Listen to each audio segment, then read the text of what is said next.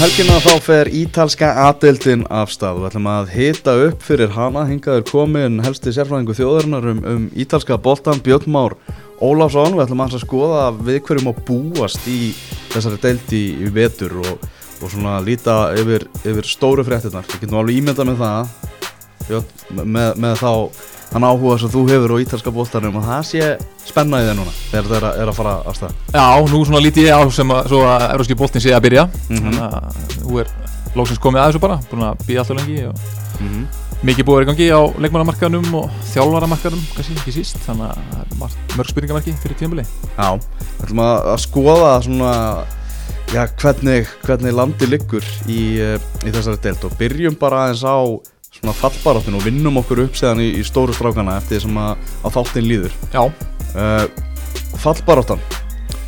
Já. Verða- Verða, verða nýliðarnir í, í, í fallbaráttin? já, það er, að sé ekki spurningu um það. Það eru þessar liðin sem kom upp voru hérna Lecce, Hellas Verona og Brescia. Mm. og hérna ég býst nú við að allar húsmaður landsins séu núna fattan að halda með Lecce. Við komum með sitt lið þar því að þeir koma frá Púlia héræðinu eins og, eins og Ólíjan fræga er frá uh, Lecce er svo lið sem að margir mun eftir vegna þess að þeir voru í efstendelt uh, hérna á tíund ára dugnum og, og á fyrsta ára þessu aldar voru Mhm. með Seman sem þjálfara spilu rosalega sóknar sinna að bolta uh, og það eru mar mjög margir sérstaklega sóknarmenn sem að, uh, sem að Seman framleiti þarna hjá Lecce Mm -hmm. eins og Bojinov sem fór til Master City síðan og Mirko Vucinic sem fór til Roma og mm Mhm. vann titla með Juventus uh, Javier Chevantón einhverju munur honum þannig að þeir eru svona, svona köllið sem er Ok. núna komið beint upp úr serju C Mm. tóku bara lifturna í gegnum serju B og beint upp í serju A stoppuðu ekkert í, í serju B eða bara eitt tímabil hérna á milli og þetta er svolítið svona það sem er að gerast á Ítalíu að sétildin er svo rosalega erfið, hún er svo, Já. svo margir riðlar endalaust umspil um, þú veist það er oft sagt að serið sé, sé spiluð á sko 15 mánuðum því hún er svo lung, það er bara byrja snemma og er búin bara einhvern veginn í júni og liðin sem að ef, ef þið tekst að komast upp í gegnum það nálarauga þá eru liðin bara það sterk að þau fara beint upp í gegnum bjöðildina Þannig að er slattaða liðum kannski það sem er að setja eftir sem eru, eru mjög sterk. Já, ég myndi alveg halda það því að í til dæmis fyrir tveimur árum þá voru tvö lið sem að komist upp í aðdeildina sem að höfðu bara komist beint upp í gegnum bjöðdeildina og þetta hefur verið að gerast mikið á síðustu árum þannig að það sýnir að, að nálarauga er mjög þröngt mm og, hérna, og ég var enda núna í sumar á Sigilegi með að horfa á úrstæðarleikin í umspili í serju C þar sem að Trapani uh, sló, sló Piacenza og komst upp í aðdeildina þannig að það getur vel verið að við fórum að sjá bara Trapani hérna á, í serju A á næsta ári svona ef við ætlum að fylgja þessari formúlu. Ok. En let's see er samt með, með serju B-leikmannahóp þeir eru, Ah. hafa þetta verið að styrkja sig virðast ekki alveg alltaf að treysta sama hóp en þetta er ef þeir, þeim tekst að halda sér uppi þá er það algjört kraftaverk sko. þeir eru með ah. uh, svona þekktan þjálf, eða þjálfarinn er gammal leikmaður uh, í aðildinni sem heitir Fabio Liverani mm þeir eru með svona einn og annar sem fólk kannast við Lappadula sem var hjá Mílan og sló nú ekki gegn þar um, þetta er svolítið svona romantík þetta er Suður Ítalía mm Mhm. Púlia hér það er náttúrulega á hælnum á stífilinu ah. uh, þannig að ég, þetta er svona, þetta er köllið og ef, ef fólk vil halda með einhverju svona romantísku skemmtilegu liði þá mæli ég með Lecce en, Mm en að öllu líkjum þá munu þeir fara beint aftur niður í, í bjöldina á næsta ári ah. Hver er verið þeim hérna í, í barátunni? Ég hef ákveðið að setja Hellas Verona þar ah. sem er annar lið sem er komið upp uh, þeir sem höfðu sætaskipti félögum frá Veronaborg þar sem Mhm. að Kiev og Verona litla lið sem er búið að vera reyndar í Serie A í einhver 20 ár, þeir fjallu og Hellas Verona komið upp Ok svo Hellas Verona er liði sem að flestir í Verona halda með og er svona miklu fyrir stuðnismenn og hafa náttúrulega unni deildina 1986 mm -hmm. þannig að þeir eru svona skemmtilega lið með mjög góða stuðnismenn Mhm. uh, sem reyndar eru svolítið langt út á hæri vengnum og svona ímislegt skít út í kringu það en, en það er alltaf stemning Ah. á leikjum hjá þeim og miklu skemmtilega að hafa í deildinni heldur en þetta bíðvitans Kiev og Verona lið þar sem engin mætt á völlin þeir eru með svona allt í lagi hóp en uh, þeir eru með skota í hópnum Liam Henderson sem að uh, svolítið Ok. sérstakt sem er búin að fór með þeim upp í úr serju B upp í serju A mm. uh, Fabio Grosso þjálfaði á í fyrra í bjöldinni en var rekin áður en komist í sinni endanum í umspili þannig að hann var ekki hann sem að fór með það upp uh, en annars er ekkert mikið um, um þá að segja. Ég heldur verði í bastli uh, þeir, en þeir svona þeir hafa samt einhverja reynslu þannig, þeir hafa verið í aðdeldina á síðustu árum en, en þeir verði í basli og leikmannhópurinn er, er svona á þessu leveli að vera í, í bóttbaróttu Mhm. og já, síðasta fallseti sem ég ætla að spá, það er uh, Íslendingaliði Spal. Já, það er að ungu strákur í, sem er núna komin í U19 liði það er, uh, Mikael Eill Mhm. gammalt framari sem er hann í úlingaliðinu uh, þeir komist upp hann fyrir tveimur árum og hafa náða að halda sér í bæðiskiptin uh, mjög, satt, eru frá Ferrara uh, og eru fyrir svona lítið lið. Uh, hafa byggt þetta rosalega flott upp eru með eiga völlin sér sjálfur hafa ekkert verið að fara fram úr sér í leikmannakaupum og svoleiðis en þeir eru bara einfallega með og veikanhóp og þeir hafa í fyrra styrtu þessu aðeins í glugganum fyrir, fyrir síðasta tímabil. Mhm. fengu Andrea Petagna svona power striker sem að hérna, sem er mjög frábær framherji sem önnu lið voru eftir og styrtu lið en þeir eru síðan bara ennþá að hita upp sömu sú- leikmannasúpuna ár eftir ár og það er bara ekki nóga gott.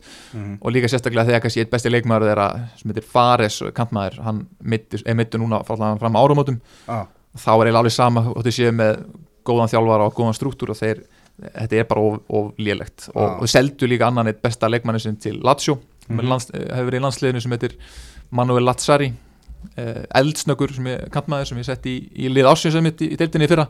Mhm. og það hefur ekkit komið í staðin að einhverju viti þannig að hérna, ég held að þeir veri liði sem að munu, munu falla. Já, minnst þarna á Mikael Egil sem er unglingaleginu hjá, hjá Spal. Það er náttúrulega, það er engin Íslandingur í deildinni og staðan er núna.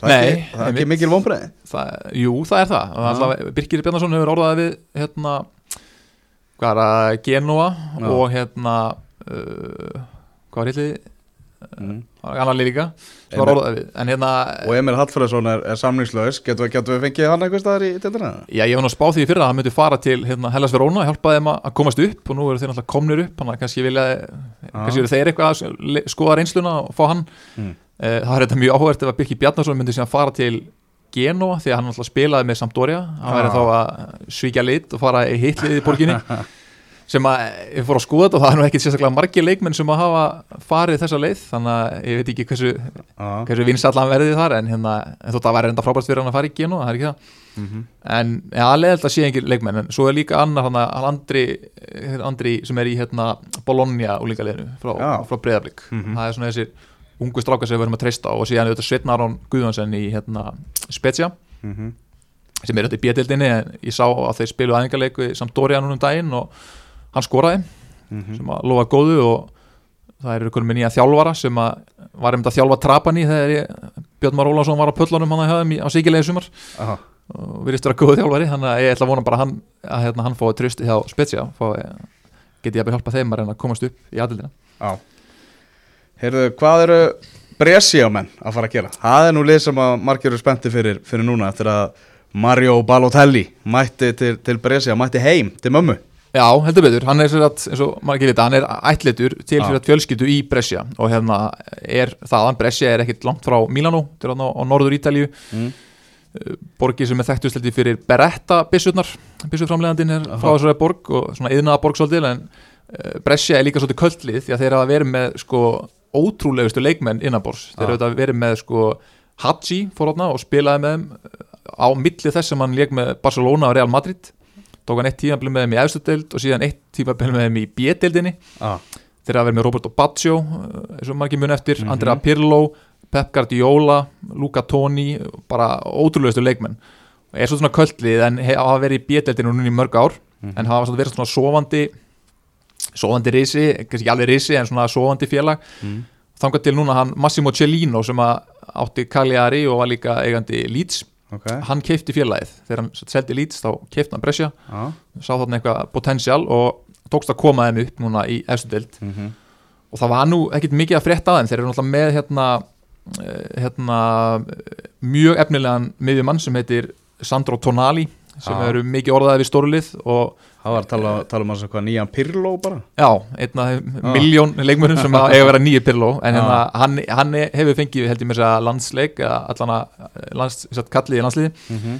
og er svona djúpu leikstundandi með sítt hár eins og Pirlo, svolítið svona lúðalegur Ah. svona áður en Pirlo fekk skeggi típa sko Eh, og spilar ég með í Brescia þannig að Ah. auðvitað, auðvitað líka þeim saman Mhm. og hann er svona, svona stóra stjarnan eh, en það var mjög lítið að frétta það með rauninni klukkan þeir mistu tvo góða leikmenn út af einhverju reyfrildi við umbósmenn uh, og stóra stjarnar er áttur rauninu bara að vera Tonali og síðan framherrin Donnarumma sem er reyndar ekkit skildur Gianluigi Donnarumma bara svo því sé haldið til haga en þessi Alfredo, Alfredo Donnarumma er búin að vera markakongur í serju B núna nokkur ári röð eða með markahæri mönnum mm. bara að koma nokkur liðum upp en hefur aldrei eða vilja taka skrefið í, upp í össutild, bara hefur kunnað vel vissi í B-tildinni mm -hmm. nú ætlar hann að fara upp í, í A-tildina og er spennandi að sjá hann og hann með vantar að spila upp á topp með, með Balotelli sem að bara veist, með hón, bara telli er þau komin með bara alvöru stjórn og bara pjúra gæði ég meina, mm -hmm. veit allir hvernig fyrir hans hefur þróast og það er alltaf einn nátt mjög sorglegt að hann sé að sem að sjá hennar unga efnilega eða fyrir um unga efnilega leikmann fara mm -hmm. í, í botlið í, í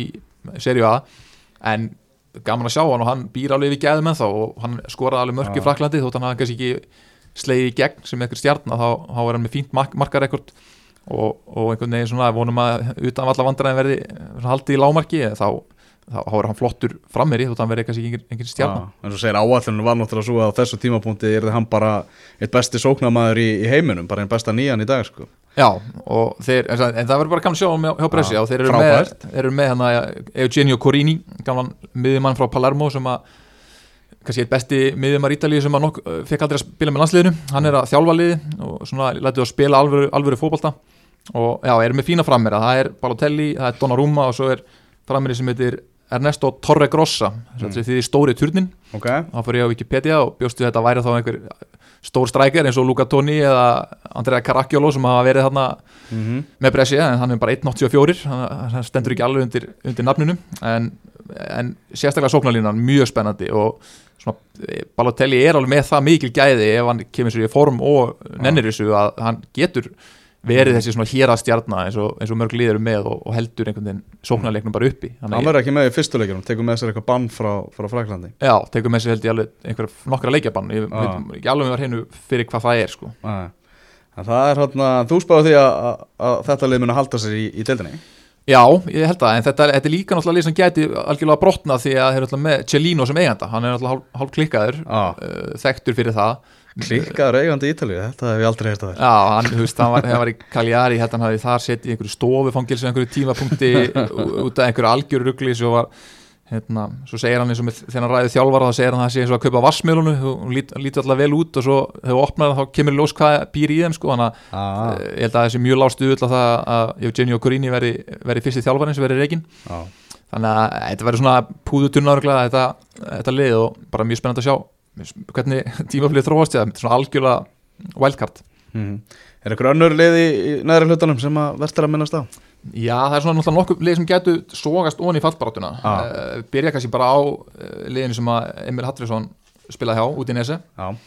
þeir lendu í, hafa verið svona barsli undanfæran ár, hafa svona mm. náða að forast fallið en oft freka seint uh, mjög lítið, það er þetta sömu eigundu þar sem eiga Watford á Englandi mm -hmm. og Granada held ég á Spáni þeir, eh, og svona metnaðurinn hjá eigandurum hefur ekki verið hjá út í nesi síðustu ár mm -hmm. það er alveg ljóst og þeir voru með rosalega unglinga akademi og voru að sæna unga leikmenn bara hérna og það frá Suður Ameríku og, og mikið frá Balkanska fengið eins og Alexis Sanchez til dæmis var hérna, fengið þanga fyrst mm -hmm. en hafa bara undanfara ná svona já, ekkert vera einhvern veginn huga, huga hlúa að þessu verkefni sínu mm -hmm. uh, þeir eru með ennþá hérna Rodrigo de Paul sem er stóra stjarnan uh, landslýsmæður frá Argentínu. Fyrra þurfti hann algjörlega að halda sóknarleiknum uppi. Hann, bara, hann var bara í frjálsri rullu hann hérna og var að spila út á kanti og hægri, vinstri, hólunni og djúpur á miðin, hann var bara út um allt og þurfti algjörlega að gera allt sjálfur þannig til svona Emil mætti við til lótið Emil, svo áttir þetta frá bara einhverju mm -hmm. um, og annars er það bara nokkuð óþekti leikmenn sem eru að koma inn, er að taka tvo leikmenn úr frá Palermo sem var gjaldróta í seríu B sem er undar fínir leikmenn en það er svona, það er lítið að frétta og það, það sérstaklega ekki sé varnalínan það er, þetta, þetta getur verið mjög brótætt og ef þið er eiga annað tímafél eins og er fyrra þá, einhvern veginn, þá, þá held ég að þið getur sógast niður í, í fallbarátuna það er svona ekkert, ekkert sem gefur manni mikið tilefni til, til bjartsinni Ok, ok, hvað er Kaljari í, í delunni? Kaljari reyndar er líð sem ég spáði þess ofar ég okay. held ég verið allan um miðja deild og geti ah. jáfnvel svo, eða, tekið þátt í hérna, top 10 slagnum mm -hmm. erum með hérna uh, hérna seldu Nikola Barella sem var stóra ja. miðjustjarnan, ungi ítalski miðjumærin seldu hann til Inter Mhm. uh, en eru búin að kaupa í staðinu þetta eh, stóra stjarnan komin heim Raja Nangolan Já, og það, konum með Raja Nangolan þeir eru konum með Marco Rock sem er miðum að sem fekk eh, ekki mörg tækifæri hjá Napoli en er býrið við pjúra gæðum mm Mhm. búin að vera mjög góð núna í æðingaleikjum í sumar og eru konum með Pellegrini á láni frá Juventus í vinstri bakurinn og eru bara konum með svolítið flott lið og ég held að þeir gætu alveg svona eins og segi brotist inn á top 10 og fara að stríða Ok. okay. liðin þar Nængól An, það vita allir hvernig hann spilar þegar hann, þegar hann líður vel Mhm. og hann er, þetta var svolítið hent út úr Inter, Konti vildi ekki hafa hann áfram og hafa bara alveg ljóst og hann fekk þá að fara láni til Cagliari hann vildi fara aftur heim þangað eða, eða til Róma og þar fær hann bara að vera svolítið hann sjálfur, hann fær að reykja sinn pakka og, Ah. og kíkja á djamið um helgar en hann mun alltaf til yfir einu á vellinum og ég held að hann fá jafnvel svona að vera í smá svona svona frálsug hlutverki hjá þeim sko, bæði þar sem hann er bæði að tækla menn og, og líka spila svolítið nálat markinu þannig að þeir voru í fyrra með stóna strækjur og voru bara að dæla fyrirgjöfum allan bara allan 90 myndunar uh, á hann Páletti en það er, þetta var svolítið einhæft tímanbili en núna eru þeir konum með svona meiri breytt einhvern veginn og alvöru, alvöru sóknarleik þannig ég held að Kalli Armi geti verið bara svolítið bjartsinni sko Mm. En R.A. vinnur okkar í, í Parma Já, ég hef þetta spáð þeim í fyrra falli og Já. fekk mikla skammir fyrir það hérna, sérstaklega uh, þegar eftir að ég spáði þeim falli þá keftur þetta hérna, Gervinjó Mhm. og uh, Roberto Inglese Mhm. Bobby Englis þannig að það, breytti þetta öllu og þeir heldu sér uppi í fyrra á því að spila alveg drefleðilega fótbolta Mhm. voru bara sáttu við það að vera ekki með, með boltan allan leikin en bara beittu skyndisóknum og, og vörðust alveg frábælega vel, velskipulaðir og núna í sumar þá hafa þeir svona vita er að þeir þurfa eins að breytu leikstíl það þýðir ekki, það gekk allt upp hjá þeim einhvern veginn á tímabili fyrra Já, Eh, þeir spilu svona á litlum marginum en núna þurfa þeir að halda boltanum meira og eru búin að reyna að bæta það. Mhm. uh, en varnarlínan er ennþá, ennþá mjög sterk og þeir eru með ennþá með Gervinho og, og Roberto Inglese. Uh, eru konum með Ian Karamo sem er ungur leikmaður frá, uh, frá Inter sem er líka svona eldsnöggur gæi bara eins og Gervinho. Hann að þeir það þarf margt að, ganga upp en þeir þurfa satt sennilega að halda boltanum að speturinn í fyrra. Það þýðir ekki að mæta aftur og alltaf einhvern veginn að endur taka leikin og, og þá, og ef einhver af þessum stjórnuleikmunum meiðist þá, þá er þetta bara búið sko. Já, þurfa að reyna að taka næsta skrif já, algjörlega. Mhm. en halda þjálfaranum og svona að vera ekki sleppa þeir fall en, en svona, þeir þurfa samt að, þurfa miðjumenni sérstaklega þurfa að stígu upp og, og stjórna leikjum betur heldur en í fyrra. Mhm. Það fikkur okkur eitthvað aðeins ofar í, í töfluna? Já, kannski sem er hérna í kringum þetta svæði, það er hérna Fiorentina, Já, með verið svolítið með marga fyrirsagnir núna í sumar. Já. það var auðvitað bandarækjamaður ítalskur bandarækjamaður sem heitir Rocco Comisso sem að kefti félagið í byrjunsumars, sem er moldríkur. Hann lofaði heldur betur stórstjórnum og það var að vera Battist út átt að mæta sem einhver stjórnandi í félaginu og hafa verið að daðra við stuðnismenna og að lofa hinn og þessu. Mhm. síðan hefur glugginn það eiginlega verið svona frekar mikið vombri til kannski alveg síðustu daga. En þeir, þeir byrjuða því hérna, seldu verið túmiðjumann til Róma Já. þeir eh, einhvern veginn já, bara ekkit mikið að frétta en Mhm. núna eru þeir farnir að kaupa, búin að opna veskið og eru komin með sagt, Kevin Prince Boateng sem fyrir á Barcelona Mhm. hann held nú ekki alveg Barcelona klassa en, en, eh, en hann spilaði nú með Sassolo eh, fyrir áramót þar sem hann var frábær og mm. hann, hann, er alveg með gæði og svona í, í sínu hlutverki þá er, getur hann alveg fýll leikmaður þeir náðu að halda Federico Chiesa líka sem er ekkit sjálfsagt því að Juventus og Inter Já. voru bunkuðu helviti fast á dittnar Mhm. og svo er þið núna alltaf komni með hérna, uh, aftur með Kevin Badey frá Lazio með djúbum miðumæður sem er sennilega hægasti leikmaður deildarinnar. Og svona, ég skil ekki alveg hvað bælingin er með honum, keftu líka Erik Pulgar frá Bologna sem er líka djúbu leikstjóðnandi þú veist, þeir eru komið með tvo leikmenn í sömu stöðu. Uh, mjög ólíkir enda Pulgar er svona Suður Amerikumaður með tattu á hálsunum og fær fjögur, rauðspjöld á tímabili. Þetta er svona típa sem maður elskar en tvei leikmenn í sömu stöðu þeir eru konum með síðan uh, svo, eh, hérna, já, Boat- Boateng og hérna Nýjan Hæribakurð og uh, núna eh, í dag keftur hérna Já, og það, svona, það er þetta stórt sæning en Já. maður er náttúrulega 36 ára gamall Það er með spurningi, hvað er mikið eftir á táknum hjá honum sko? Já, hann ætla að hæða sér eins og hann sé 21 með því að raka treyjunúmeri sitt í hársvörðin og Já, þú veist, ég veit ekki hvað og hvað en, en hann er gamall og hann og Kiesa Könturum er alveg frekar sexy line-up en, en þú veist, er hann að fara að hjálpa þeim að taka næsta skrefið einhvern veginn? Ég, ég veit það ekki alveg, þeir hafa áður kipt leikmenn frá, eða fengið leikmenn frá bæmunn hér og frá góðun liðin, svona góða stjórnur sem eru konar að besta, besta skeið og það hefur ekki gengið vel,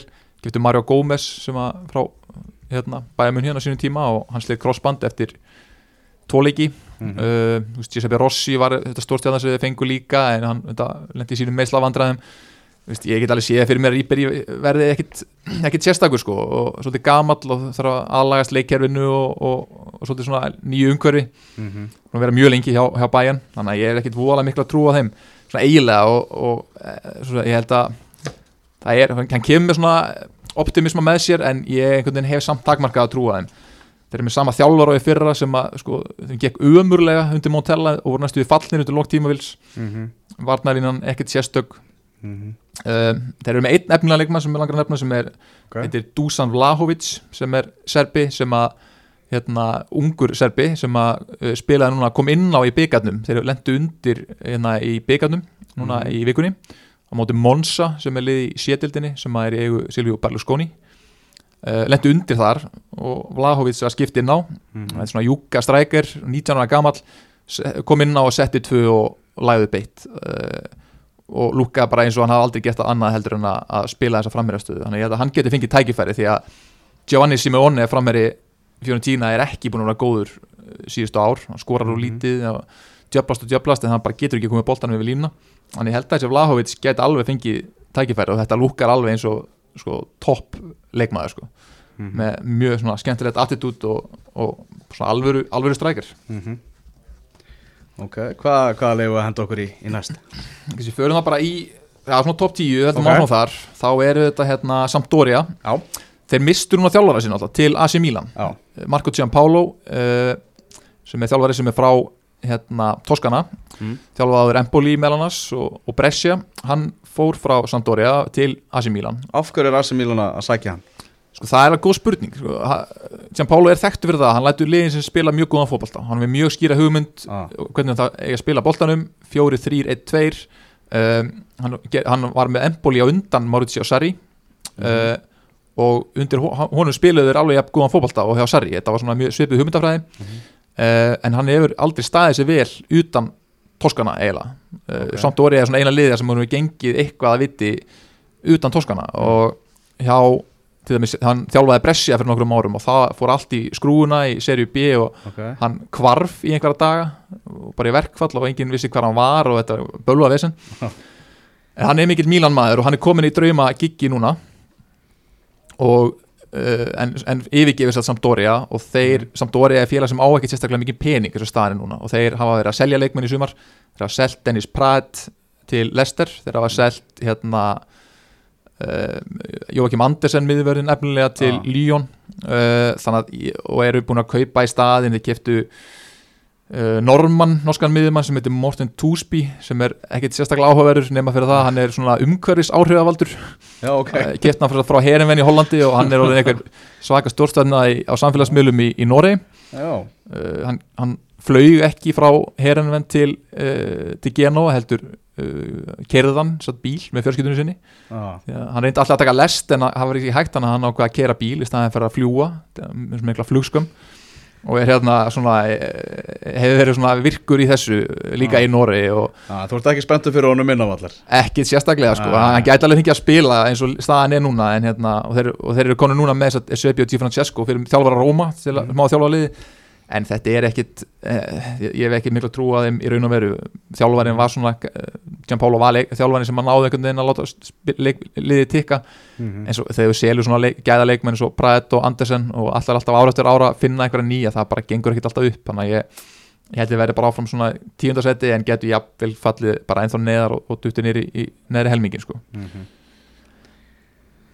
Ef að fara í annar lið sem að geta kannski þefað af ykkur Evrópudeildar baróttu ef, ef allt gengur upp. Já, lið sem er svolítið spennandi að fylgjast með, það Já. er Torino. Þeir eru einmitt eiga eh, leika á móti hérna, Wolves í, í Europadeildinni Já, uh, um það hvort liði kennst í, League. Og þeir náðu, þeir náðu erbjörnsætti fyrra vegna þess að AC Milan dróð sig úr keppni. Eða satt, var bann, meinaðar angangur út af svo financial fair play ævintýr þeirra. Mhm. Og þeir hafa náðu að halda öllum sínum leikmönnum þeir eru með Aldir Matsari sem þjálfara sem að þjálfaði mitt Watford hvað fyrir tveimur árum Mhm. og hann er vonandi búin að hrista að sér hjarta vandamálu sín hann missir alltaf að nokkru leikjum á tímabili og þetta Já. einhverjum óreglulegum hjartsletti og svona stórreikingamæður og svolítið stressu Já. En þeir eru með Andrea Bellotti upp á topp sem er bara í sínu besta formi sem hefur nokkuð sem verið í Mm. og Simone Zaza uh, er með honum og þeir eru fannir að spila þess að tveir saman frammi og þeir hafa litið mjög vel út í, í fyrstu umspilsleikjunum í erbudeldinni Mhm. Þannig að þeir, og, og það- þeir hafa náð að halda líka bara mjög sterkri vörn og eru svona mjög fysikal lið sem að eh, ekkert lið einhvern veginn næra svona dominera á móti og þeir eru alveg með potensa fyrst mér í að fara ofar á töfluna það var að missa leikir svolítið í jafntefli í fyrra, það var eins og það að falli Mhm. en með mjög fysikal og gott lið og spennandi leikmenn þeim er sér svo bakverður sem heitir Óla Æna Mm. nýgeríumæður, það hljómar eins og þessi skýrður í höfuð á Óla Einar Björndalen en Óla Æna er sem sagt eh, var, var mjög góður fannst mér í fyrra þeim í, í vinstri bakverðunum Já. og ég svona skil ekki alveg kannski á hverju Chelsea gaf hann mikið tækifæri fyrst þeir voru í, í félagskýtabanni svo bara með fína leikmenn líka í vörnunni Armando Itzo er landsliðsmaður uh, en Kulu með, meðverður líka hann er bara mjög fysikal og gott lið ég held að þeir getu átt ef þeir svona ná að knýja fram sigra í staðin fyrir þessi jafntöfli sín þá Mm. held ég að þeir get alveg bankað á dittnar hann ofar á töflunni Mhm. Hvað er Lazio að fara að gera? Já, og sko Lazio líka hefur ekkert verið að gera sérstaklega mikið á markanum þeir Ja. hafa rauninni bara verið að svona laga það sem þeir telja bara þarf að adressa en Ah. hafa ekki verið að selja stórstjörnur uh, þeir virðast halda Milinkovic Savic og þannig sé orðaði núna við hérna við uh, bæði uh, Inter og, og Juventus Mm. og kefti rauninni bara hennan Manuel Lazzari frá Spal í hægri vangbakvara stöðuna Mm. sem er svona eina stað sem, sem var svona veikast í blettunni það í fyrra og þeir eru áfram með Simone Inzaghi sem þjálfara uh, þannig að já, þetta er bara, þetta er bara samói fyrra Ah. en Lítið um þá að segja já, þeir eru unnur alltaf byggarinn í fyrra ah. uh, og eru svona lið líka sem að næra alltaf að veist, þeir, eru rosalega háa toppa þeir, þeir eru lið sem hefur unnu Juventus á síðustu árum þeir hafa unnu, unnu byggarinn í fyrra unnu Atalanta í byggarúslitunum sem var það bara mjög vel spílandi lið mm sem var þá upp á sitt besta þannig að þeir eru með rosalega toppa en svo inn á milli þá bara tapa þeir á móti botliðum og þeir eru svo, aðeins svo óstöðir og þetta verður svolítið svona tímabil þar sem að kemur ljós úr hverju Simone Inzaghi er gerður hvort hann næra svona establisa það sem topplið eða hvort þeir alltaf bara alltaf að verða þetta svona sjötta, sjöfunda sætis lið. Mm. Það er svona Evrópadeilda baráttan er kannski líklegust hjá, hjá þeim. Já, ég held það, en svo þetta getur að vera kostun að halda bara óbreytum hópmilli ára sko en, en, en þegar, það það virkaði heldur ekki í fyrra þá einhvern veginn sé ég ekki alveg að sé að fara að smetla eitthvað núna eitthvað mikið betur ah. Ok, ok Hvaða lið verða þarna í kringum, kringum Lazio? Sko, ég held að svona AC Milan Já, auðvitað mikla breytingar þar í sumar þeir eins og eru konu með Marco Giampaolo Mm. mm. þjálfara og uh, eru búin að gera miklar sagt, breytingar á sérstaklega miðunni á sér uh, þeir keiftu þetta bara úr miðju, miðju, hérna, miðjumennar frá Empoli sem fjell, keiftu tvo fína leik með þar. Hérna, Benacer og hérna uh, Krúnits mm. en þú veist, þetta eru tveir miðjumenn og liði sem falla. Hann áttu séu efnilegir og Benacer hafi verið valin hætti besti leikmaður á Afrikumótinu þá, veist, þá er þetta fallmiðja og hérna svona, og svo seldu Frank Kessi sem að vera mjög öflugur leikmaður hérna, síðustu ár en síðustu árið þannig að ég- svona, það ekki alveg lítur ekki alveg jafn vel út og, og þeir vilja og sama með framherja og stöðuna, hann vil spila Gianpaolo vil spila 4-3-1-2 Mm og hann er það að nota Suso í hólunni sem að ég, mér sýnist þetta að hafa virka allt í lagi undirbúinstíðinbílu en hann er samt í grunninn ekkit engin hóluleik með þannig, eða, hann er meiri kantmaður og Mm. þekkir að betur að byrja út á kanti og kvetta inn. Og hérna og svo er hann með Pjóntek frammi og svo bara spurning hvað verður með honum. Þeir eru að að kaupa Korea frá allir á Madrid og það gengur ekki því að það er eiginga pening og svo er hann að kaupa veist, hinn og hennan Já. þannig að þetta, ég, Það ég held gengur, það gengur alveg brösulega að komast aftur í hópinn hann fyrir ofan sig sko. Já, ég held, þetta, þetta verður erfitt sko, Já. og, og þótt þessu konu með alveg þjálfara þá er svona sem lætur og nær kannski besta útur en það eru þeir bara, þeir eiga ekki pening í að halda sér alveg upp í topnum en það er svona, og svolítið svona munur en, þeir, já, það er alveg þjálfurinn sem getur það kannski dreigja og svolítið upp því að eins og hann er góður og láta það að spila vel og það er svolítið aðtilsvættið með munurinn þú skoðar blagamannafundina fyrstu blagamannfundur Gianpaolo í AC Milan og svo ferur hér í minni borgina og skoðar fyrsta blagamannafund Antonio Conte Mm. þá sagði Antonio Conte á sínum fyrsta blagamannafundi að, að nú skiptur, leik, skiptur leikmenn svona setja uh, hausinn niður og horfa, horfa niður og reyma á þessu hlaupaskona og, og fara að hlaupa og berjast Mhm. því hann var, hann var að mættur og meðan Gianpaolo sagði bara orðið, nú ætla leikmenn í liðinu þurfa að líta upp, horfa í kringu sig og fara að spila boltanum Ah. og þetta er svolítið svona munurinn á þessum liðum akkurat núna uh, og, og líka svona söguleg munur á þeim og í, í AC Milan er ekki að krafa um að þessi spilaður ákveðin fótbolti ákveðin fótbolti meðfram jörðinni mm. -hmm. Berlusconi sagði alltaf að, hann, að í AC Milan ættu alltaf að vera tveir framherjar alveg saman hver var að þjálfa eða hvort það myndi hendi eða ekki bara í AC Milan er spilað með tveimur framherjum Mhm.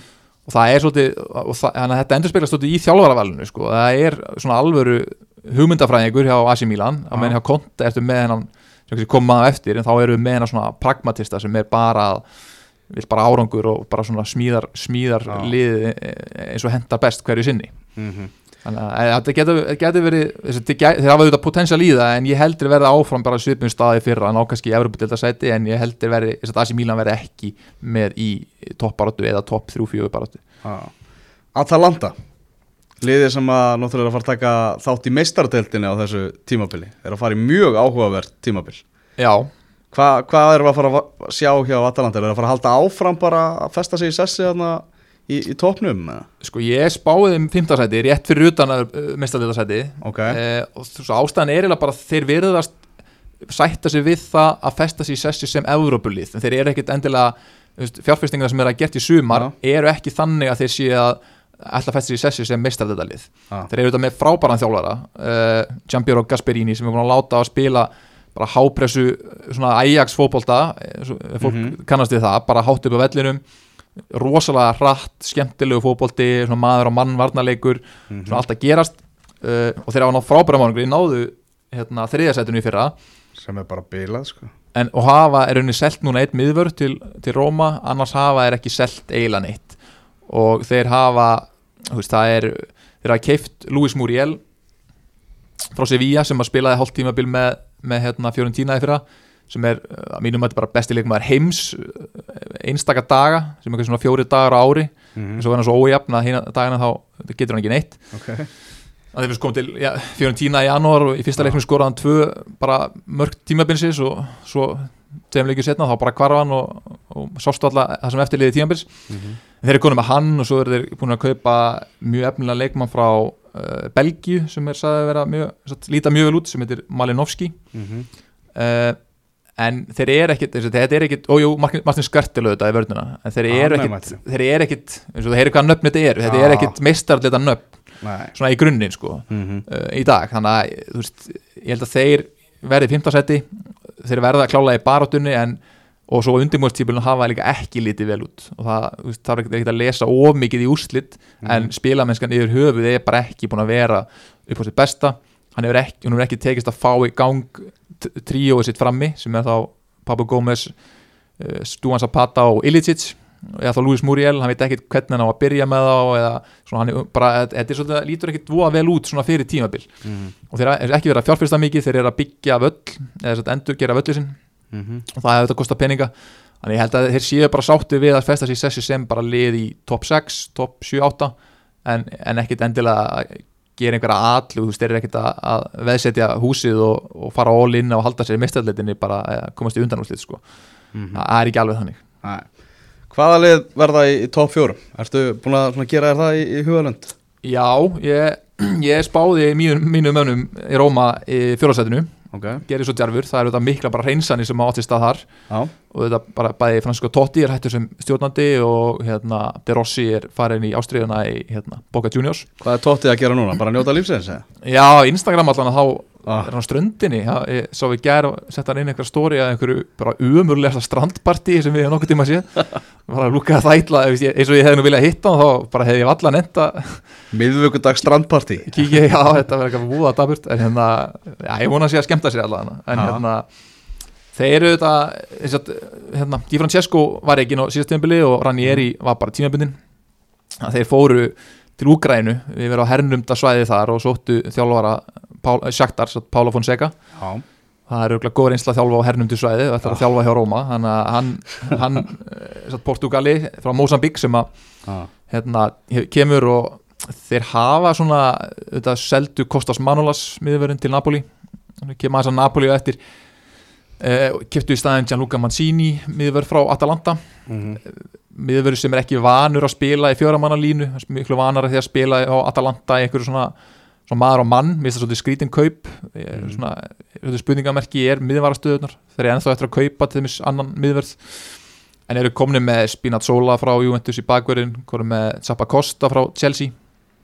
Svo eru komni með á miðjuna Diawara frá Napoli, eru komni með hérna, sömdu við Edin Dzeko sem líka kom rosalega óvart. Mhm, uh, Konti var bara búin að gefa það út að hann vildi fá, fá hérna Dzeko til Inter og það var bara allt var eiginlega bara róið að því öllum árum, allt sumar. En síðan bara buður alltaf svo lágt að enda á því að hérna, og Dzeko vildi sjálfur fara til Inter en svo enda bara því að, mhm, að Róma og Dzeko bara hittust og sögðu þetta gengur ekki lengur, þú bara, ekki bara gerur ekki bara nýja samning? Og að hann verður áfram. Mhm, og þeir hérna, og bara hafa litið vel út á undanmjörnstíðumölinu mjög flottir á móti Real Madrid uh, í æfingarleik og, og fleira, þannig ég er svona ég held að þetta sé svolítið svona rístatis eða getur hafa þurft sko, já, en svo veit maður líka ef þetta byrjar ítla þá fer þetta allt í skrúuna og þetta enda bara í einhverju bölluðu vissinni sko, en ef, ef, ef tekst svona fyrstu leikin að ná upp einhverju bjartsýtni og, og, og svona þá held ég að þá, þá erum við með svona já, erum meira að spila á styrkleika leikmannahópsins núna heldur en í fyrra. Í Ok. fyrra voru þeir þessi transfergúru hann að Monsi sem kom Já. frá Sevilla hann var bara ekkert að kaupa leikmenn sem henduðu leikherunu já, menn eins og Javi Pastore og, sem að þetta bara, fyrir utan það að hann er alltaf mittur það bara passaði ynga veginn inn og, hérna, og Steven N. Sonsi sem eru núna búin að selja aftur, þú veist, fyrir leikmaður hann bara passar ynga veginn inn í kerfið þeirra í fyrra mhm, en núna eru þau svona svolítið sniðuri kaup meira svona reyndir ítalskir menn ég held, ég held að þeir getur náð hérna topp já, allan að topp fjórum ef, ef allt gengur uppi það núna mhm. Þetta er þetta er fjögur mestar þetta seti já, og líka, Eh. eh, líka sem hefur hérna, skemmtilegt við Vardalínu hjá Róma ja. þessi Mancini sem er koma, hann er mjög markeppin Ok. okay. miðurður og þeir, og Fazio sem er alltaf spilandi líka, er líka talsveit markeppin mhm, þannig að ég held bara ef einhver vil fá gó, góðan stuðlaka þá eh, ætti hann að veðja það að, Mancini verði markaðast í miðvörun því hann skoraði held í átta mörg í fyrra eða meira þannig að þetta er er alls gott. Og hann er strax í fyrsta æfingarleikinu sinu skoraði til í tvö mörg sko, eftir að hann er, er fáránlegu skallamæður. Já, þannig að það er svona, það gefur smá hauka vitt líka hérna, veist, hann er engin hero sem skoraði 26 mörg en þetta er svona einu tíum bilið, en þetta er svona skemmtilegt að fá einu smá mörg frá fleiri áttum. Er mann ekki svona að telja það kannski svona að sé eiginlega bara eitt meistar þetta seti sem eigi að vera nokkuð opið, það sé eiginlega fjóra setið hinn þrjúliðin eigi að vera það sterk. Að það er bara stórslis að það endi ekki í, í topp fjórum. Jú, og það eru þess að síðustu þrjúliðin, þrjúliðin er náttúrulega Juventus, Inter og Napoli. Já, uh, og svona sérfræðingar er ekkit alveg sammála um hva, hver sé alvöru kontenderinn, hvort það sé Napoli eða Inter. Mm. uh, Inter náttúrulega að tala mjög digubarkalega. Mhm. eru konum með hérna, Beppe Marotta fyrir stjórnandi Juventus fór til Inter í fyrra eru konum með Conte og hann er svona búin að fá eitthvað að sínum leikmunum Já, reyndar ekki alla og fekk ekki, ekki Dzeko og er svona ekki alveg sátt, sáttur með lið en þá uh, og þeir allir en að gera allu að titlinum, menn það má heldur ekki gleyma Napoli, þeir eru búinir að sko, fengum Kostas Manolas. Mhm, þannig að þeir eru konum með sko Koulibaly Manolas, þetta er bara eitt besta miðvarapar í deildinni. Mhm. Uh, reyndar eru kannski miðvarapörin hjá ítalsku liður, toppliðunum eru reyndar kannski bara með betri heimi. Síðan er. Inter með Skriniar, De Vrij og, og Diego Godin og Juventus er með já, má ég bara nefna hvert sem er. Chiellini, Bonucci, Delict Demiral hana, þetta eru mjög sterkar varnalínur en, en Napoli er, og svo voru þeir að kaupa hérna Lozano uh, hérna Kantmann. Mm. um, og svona hafa verið að þeir tóku síðasta tíðanbíl svolítið bara í það að prófa leikmenn. Þegar Sarri yfirgafélagi þá voru fullt af leikmennum í hópnum sem höfðu verið kiftir á háar upphæði sem að höfðu bara getið fengið tækifæri. Mhm. þannig að þeir Ancelotti tók bara síðasta tíðanbíl í að prófa þessa leikmenn hverja ætlu að hafa áfram og hverja ætlu að selja. Og þetta sumar áttu að vera svona Ancelotti sumari mikla. Og það, já, þeir eru konum með að Lozano og Manolas og þetta eru bara pústuspilin sem ég held að vantaði. Mhm. Eh, Svo er spurning með breyttina og það er ennþá opið líka hvort að Icardi fer til, hérna, fer til Napoli eða ekki. Já, það er svona ákveðin kapall í gangi hvort að, að Icardi sé að fara og fara þá til Napoli. Og Mm. þá geti losnað um Milik hjá Na- Napoli, hvort að hann fari þá eitthvað annað. En, hérna, en Napoli er alveg þú veist, ef þeir halda áfram eins og þeir fyrra og bæta sig um nokkuð prósent þá geta þeir alveg að verið áfram með topparótunu og, og gefið Juventus alveg í samkeppni ekkit síður en, en Inter sko. Mhm Hvort liðið til eru líklegra til, a, til að ná að kroppa í Juventus? sko, þetta er svo rosalega ólík lið sko, það er mjög erfitt að segja og og Inter er náttúrulega búin að vera ekkit annað en bara kjafturinn í sumar. Konti mætir hann og það ætla bara að búa til sín, sín skriðdrega eins og hann kalla liðin sín sko, og hérna svona mikill rembingur og, og stælar og, og svona en hérna veist, einmitt hvað er alltaf að hlaupa mikið og berjast mikið eru konum með Stefano Sensi á miðjuna sem er, menn haldi ekki vatni við hérna á Ítalíu? Kalla hann þetta alltaf efnilega, hann er orðin 24 ára gamall og mm. ekkit búin að spila voða marga leiki endalega síðustu tímabil. En, þú veist, góðu leikmaður og hefur litið vel út í sumar. Uh, og eru, þú veist, konum með Lukaku núna sem að mætti svolítið þungur Já, til þeirra og var settu strax í að létta sig. Uh, og Diego Godín sem var hljómaði líka mjög vel á pappír en þú veist, það hafa reynslu miklir hafsendar farið til Inder áður og hérna, og, og gert í brækunar mhm. eins og Vittits og, og fleiri. Þannig að þú veist og það, að það fara frá því að spila með Allego Madrid yfir að spila í einhverja þryggjamanna línu með undir Antonio Conte held ég að sé svolítið svona það er breyting og það er ekkert, ekkert sjálfgefi að það gangi upp. Mhm. En þú veist eh, maður veit samtalið hvað Conte getur búið til svona klikkaða stemningu í hóp og, og, og ef hann er að æsa upp einhverja stemningu og, og blæst þeim trúi brjóstum það að þið geti kefti Juventus þá, þá er þetta trú, trú, trúa leikminnunum alveg, þú veist, hann hefur unnið þennan titil. Beppe Mar- Beppe Marotta stjórnandi, hann, hann veit alveg hvað Juventus er að gera, hann veit hvernig á að vinna titla þannig að þeir gætu alveg búið til þessa stemningu, en ég, ég set Inter á líklegri til að ná öðru sætinu eins og er. Mhm. En er bara Juventus það stert að, að það, þeir eiga bara þetta efstasæti áfram? Já, meina, auðvitað, meina, það er langt líklegast. Ah. uh, Þetta sumar er alltaf búin að vera svolítið sérstakt hjá þeim.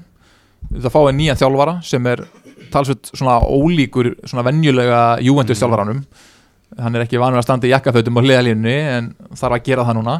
Ah. og uh, hann er eitthvað viktist eitthvað í vikunni fekk hérna lúnabólgu Já, það er nú vonda frétti fyrir reykingamann Já, ég, hérna þetta bara opnaði Gazetta dagblæðinu í vikunni mitt og það var bara, ég held ég var að lesa læknatímarit eða landsett eða vísindatímarit, þetta var bara það var svo mikið umfjöllun um hvað lúnabólga væri og tölvu gerða myndir af einhverjum veirum og eitthvað, þannig að þeir eru mikið að velta sér fyrir sér hvað, hversu veikur hann sé. En hérna, þú veist, ég með það reykalett en, en þú veist, hann, markmiði með, hjá Juventus núna er að þeir fara að spila betri fótbolt aftur Já, til þess að geta keft við liðið eins og City og, og Bayern og önnur og Barcelona þú veist að þurfaði bara aftur að byrja svolítið frá grunni að byggja upp spili að leikri í fyrra var komin út í svolítið mikið svona Mm. reaksjónar í fótbolta. Þú veist náðu árangri en voru ekkit að það var ekkit, ekki mikið þróun í gangi í, í leikliðsins mhm. og Sarri átti svona að breyta því. Uh, þeir byrja náttúrulega sumarið síðan frekar snemma á því að kaupa delikt Mhm. sem er mjög dýr og þeir eru náttúrulega ennþá líka gældastu fyrir það að getur Ronaldo í fyrra, hann, hann er dýr í rekstri Já. og þá hafa þeir svona eitt restin af sumrinu svolítið í því að, að losa leikmenn og eru ennþá að reyna að losa leikmenn þannig að þetta er svona ólíkt því sem maður hefur séð Juventus gera venjulega sem þeir einhvern veginn vita fyrirfram hvað er alltaf að gera og, eru, Mhm. og bara leða klukkin opnast þá bara losa það sem þeir eru að losa og fá inn það sem þeir ætla að fá inn núna eru þeir einhvern veginn að eigða sumrinu í að losa leikmenn og, og þeir, með, þeir vita það að þeir eru með þrjá, fjóra, fimm leikmenn ennþá á bókunum hjá sér sem að verða ósáttir þegar líður á tímabilið af því að Sarri notar ekki allan hópin þú veist, þeir eru með Mandzukic og Dybala vilja losa allan að annan af þeim. Uh, Blaise Matuidi eh, verður sennilega seldur og hérna fær, er þetta búin að eh, impressa Sarri og fær sennilega að vera áfram uh, þeir eru með Rugani sem miðverð sem er að að losa og það eru bara þeir þurfa að losa leikmenn og, og liði vita það að þeir eru orðin kannski pínu svona desperate að, að losa það. Þannig að það er ekki góð stað alltaf að vera í. En þú veist, auðvitað munu þeir bara vera besta liðið og þeir munu held ég vinna deildin aftur. Það er svolítið eins og að spá flóð eftir fjöru sko, að spá þeim að þeir vinni titilinn bara segir sér sjálft. En svona það er um, já, en það gæti eða eitthvað sem á að klikka þá er það þetta. Það eru, ný, þú veist, það eru breytingar þetta eru, Aron Ramsey er að koma í deildina sem hefur bara reynslu frá Englandi mm -hmm. uh, Delikt er að koma í deildina og veist, frábær hafsend en uh, fólk veit það alveg á Ítalíu að það er það vita það allir að það er engin tilbúin sem fullkomin hafsend tvítugur sko Nei. bara það er einsta skipti máli og, og maður sá það stundum kannski á Ajax að þegar, Mhm. þegar lið pressuðu eins og Tottenham kannski undanátturum og annað þú veist, þá, þá var hann ekkert bestur að ráða við það. Hann ræður ekkert allt sko. Hann, þú veist, það tekur tíma að skóla hann til. En samanskapið þá kostaði hann svo mikið að þeir þurfa að nota hann. Þannig að það er kannski aðleika þannig sem að gæti eh, orðið um að falli sko. En, en annars, annars held ég að þeir vinni, vinni titilin sko. Mhm. bara ekkit, ekkit, me, ekkit meir um það að segja.